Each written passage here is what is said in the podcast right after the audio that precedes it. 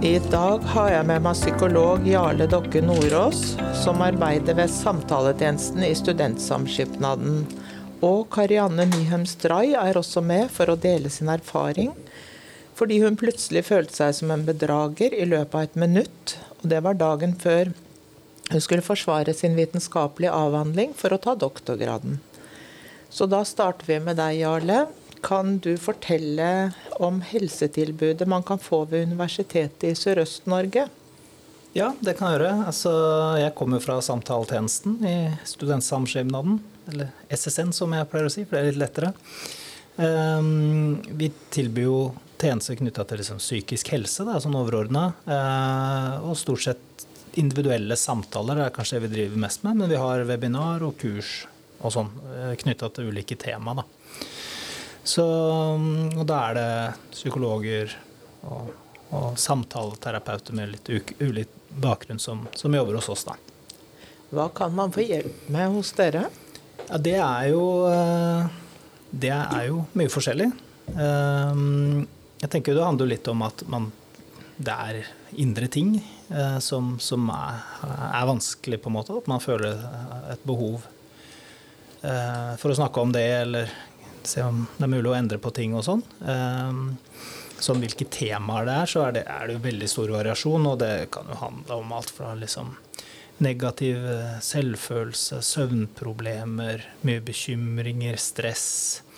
Det jo, og det kan handle om studiene, sånn at man har havna bakpå, det er mye stress, kanskje man har begynt å utsette ting. Og så Ja, det kan være en ting. Og, og det kan være forhold til seg selv sånn som snakker om selvfølelse, altså problematiske forhold med mat, kropp, trening.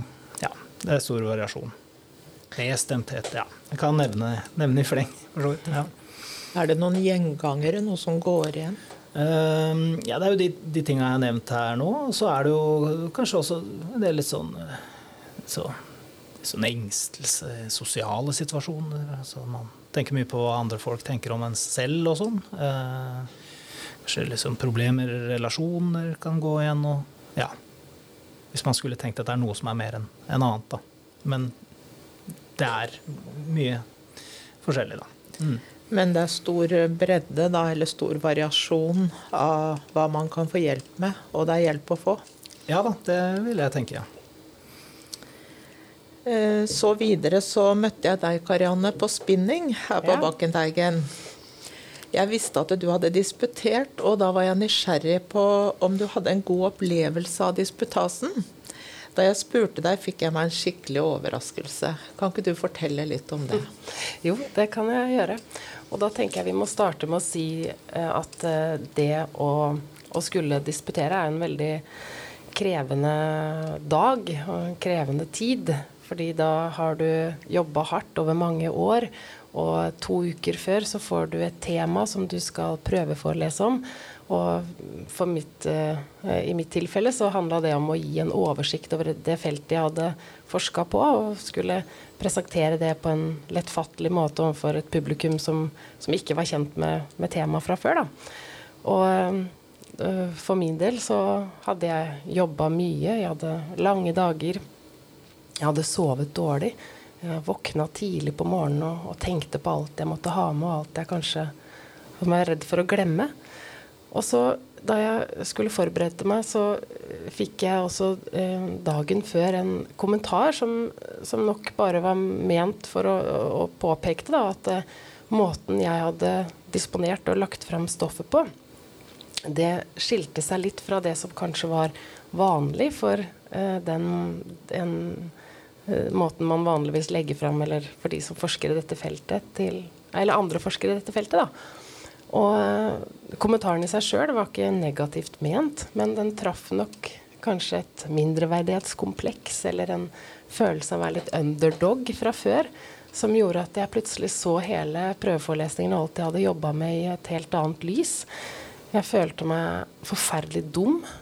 Jeg syns alt jeg hadde planlagt og og lagd i presentasjonen min, var eh, teit. Eh, jeg irriterte meg over at jeg hadde altfor mange bilder. Det, plutselig syntes jeg det så useriøst ut. Jeg hadde til og med sitert Albert Einstein, og jeg tenkte er det mulig å være så dum. Og det det førte til, var at jeg, jeg skamma meg så fælt uh, over at jeg ikke hadde klart det bedre. Og den uh, følelsen, den, den uh, knytter jeg jo til det her med å, å, føle seg som en bedrager. Som jeg var kjent med fra litt tidligere i, i doktorgradsløpet. Den følelsen av å bli At man er redd for å bli avslørt. Det at man Plutselig så, så tenker man at man bare er en fake og at man ikke er eh, verdig å skulle gjøre en, en, en sånn ting. Um, men den verste følelsen oppi alt dette her, i tillegg til min egen skam, det var egentlig at jeg bekymra meg for, eller jeg skamma meg sånn over at veilederne mine, som skulle sitte i salen, måtte leve med å se meg stå der framme og bli helt avkledd og ikke kunne svare for meg eller prestere godt nok. Og at de måtte måtte ja, leve med at de, de, hadde hatt meg som kandidat. Og sånn i ettertid da, så tenker jeg at det mest absurde ved hele situasjonen er at eh, jeg regner meg som en ganske robust person. Men det bildet jeg hadde av virkeligheten, altså måten verden min så ut på, det var så mørkt og så eh, realistisk. Sånn at uansett hva familien min eh, sa til meg, og jeg hadde en god stipendiatkollega som til og med klistra opp en Post-It-lapp på skjermen min hvor det sto 'godkjent', og satt ved siden av meg og, og støtta meg, så, så hjalp det ikke. Jeg hadde uansett et bilde at jeg, at jeg ikke var god nok, og at nå kom det til å synes for hele verden. Så alle de negative følelsene som kom i spill eh, når du fikk den bemerkningen, de gjorde veldig vondt, eh, sånn som jeg hører du beskriver det. Kan du beskrive hvor, eller fortelle hvor, eller illustrere da, hvor vondt det egentlig gjorde? Ja, altså eh, Jeg sier jo litt sånn spøkefullt at jeg har født tre barn, og at det her er enda verre. Det her var enda verre enn det. Jeg, jeg følte meg så aleine og så dårlig og så skamfull, rett og slett. Tenker du at andre kan oppleve det samme som deg? Ja, jeg tenker at den følelsen, den eh, er ikke bare knytta til å skulle forsvare avhandlingen sin. Jeg har møtt mange, for jeg snakker gjerne om det etterpå. Jeg tenker at det, den kan eh, dukke opp uh, uansett hvilket uh, nivå man befinner seg på. Altså, jeg har snakka med professorer som forteller at de har det på akkurat samme måte. Sånn at det er jeg tror det er en veldig allmenn følelse som kan dukke opp. Og så må jeg skynde meg å legge til at det gikk veldig bra. da. At når jeg sto der, så eh, opplevde jeg at det, det, jeg fikk gehør, og at eh, presentasjonen min ga gjenklang hos folk. Det var ikke, var ikke så dumt og så, så fælt som jeg hadde forestilt meg. Og Jarle, du som arbeider som psykolog, kjenner du til bedragersyndromet eller fenomenet? Eh, ja da, gjør det. Det har jo vært et eh, det har jo hatt litt sånt oppsving de siste åra, så det er vanskelig å ikke ha hørt om det, nesten. Eh, det er jo egentlig det er jo egentlig et sånt begrep som ble introdusert på 70-tallet eller noe sånt, tror jeg. Og at, eh, som har kanskje litt kjent sånn på 80-tallet, og så av en eller annen grunn så dukka det opp i senere år, sannsynligvis, og ble spredt mye i sosiale medier og sånn også. Og det er vel kanskje tegn på at det er gjenkjennbart for folk, da. Um, og det det beskriver eh, Det her er jo ikke en psykisk lidelse eller en diagnose, eller noe sånt, men uh, det beskriver jo at det er på en måte en mismatch da, mellom på en måte synet på sin egen si, kompetanse, intelligens eller liksom evner, og hva man faktisk oppnår. Da. Og at uh, folk som kan slite mye med det. uh, uh, vil på en måte ha den følelsen, mye tvil rundt seg selv og sånn, at man egentlig så har man ikke noe her å gjøre. For det andre folk er på en eller annen måte annerledes. På tross av at man får til ting, da. Eh, og så tenker jeg at det er jo egentlig en Og da tilhørende det at en litt sånn frykt for at en dag så vil på en måte det her avsløres, da. At folk skjønner hvor dårlig stilt det er, på en måte.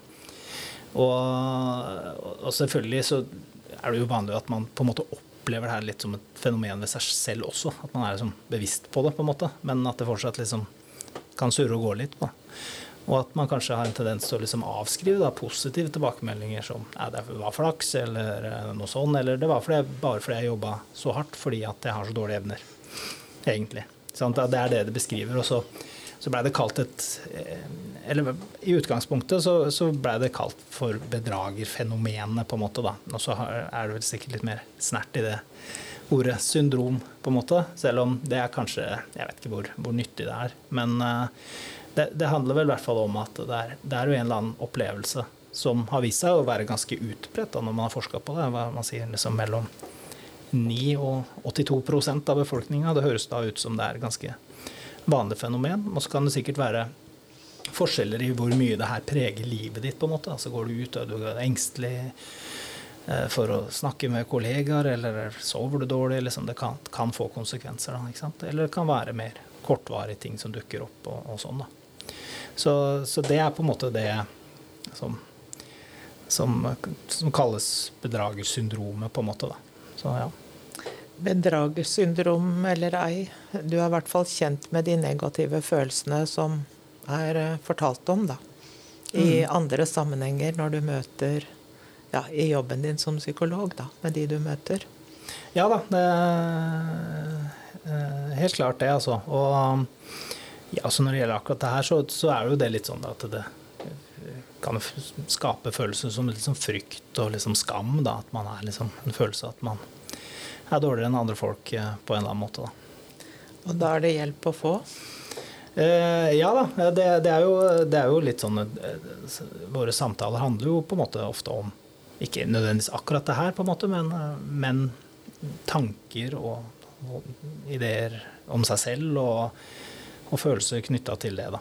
Så, så, det er jo også, sånn som Karianne sa, også det å, å, snakke med andre om det. Det, det hørtes ut som folk, andre folk hadde opplevd det samme òg. Det er jo et eller annet med å For noen ganger så sliter man mye med sånne ting, så går man med det kanskje mye selv, da. og og, føler seg som uh, at det at man har problemer, det er også et problem, på en måte. Det blir liksom del to. Um, og da og jeg tenker sånn som, sånn som det her, så, så, vil jeg tro at ganske mange kjenner seg igjen i det. Og det var kanskje din opplevelse også. At, Absolutt. at det var nesten Reaksjonen ble nesten litt skuffende. Har du brukt denne erfaringen for å hjelpe andre, Karianne? Ja, jeg tenker jo at um, det å, å, snakke om det, det er jo noe som har uh, hjulpet meg. Eh, men, og når jeg snakker om det, så, så, hører jeg også, som du var inne på, Jarle, at det, det, gjelder jo flere enn meg. Det er egentlig ganske vanlig. Uh, og det er jo godt å høre, fordi på det tidspunktet så følte jeg meg helt aleine. Men jeg brukte også anledninga til å snakke litt om det da jeg holdt tale på vegne av doktorgradskandidatene på doktorkreeringsseremonien som var i Bø nå i slutten av april. Fordi jeg tror det gjelder mange Uh, ikke bare stipendiater, men også andre studenter. Og det å bli bevisst at uh, det å ja, Jeg brukte historien om da jeg satt på kontoret mitt den første tida etter at jeg hadde begynt, og hver gang det banka på døra, så tenkte jeg at nå, nå kommer de for å hente meg, for å si at uh, det har vært en misforståelse. vi har bytta om navnene på en liste her, så det var ikke du som skulle hatt den plassen, men tusen takk for innsatsen så langt, og lykke til videre. Og den uh, følelsen er jo så reell, da, akkurat som du var inne på. Og måten å, å på en måte uh, få trollet til å sprekke på, er jo å, å, si det høyt. Det å ta det fram i sola, tenker jeg. Ja, og da kan det kanskje være lurt å oppsøke deg og dine kollegaer, da, Jarle? Ja, det kan man jo selvfølgelig også gjøre. Det kan lurt. Men det kan hende man også da får beskjed om at ja, kan du ikke høre med noen du kjenner, hva de tenker om det også. Mm. Så, så lurt. Men det er jo interessant det du sier, litt om hvordan liksom, tanker og følelser og liksom det som skjer innvendig, blir veldig viktig, på en måte. Da. Altså, det, det, er et eller annet med at uh, man lever seg inn i scenarioer som kanskje man som er inni hodet, som man kanskje i ettertid tenkte at ja, det her var bare mm. tull også. Men det er jo litt sånn, det er jo litt sånn uh, sånn, sånn det fungerer, hodet, på en måte. Da. At det er ting som man tenker Man sier at det er ingenting som er så viktig som det som man bekymrer seg for, når man bekymrer seg for det. Um, og det påvirker jo liksom følelsene og, og, sånn også. Og det å si det litt høyt er jo ofte litt lurt, fordi man får ja, bare satt litt ord på det. Og gjennom det så blir man kanskje litt sånn be mer bevisst på hva som, som, foregår også. Og selvfølgelig hvis man, sånn som her, at, at andre også har opplevd det her. Det er liksom Ja. Det kan ofte være nyttig. Ja.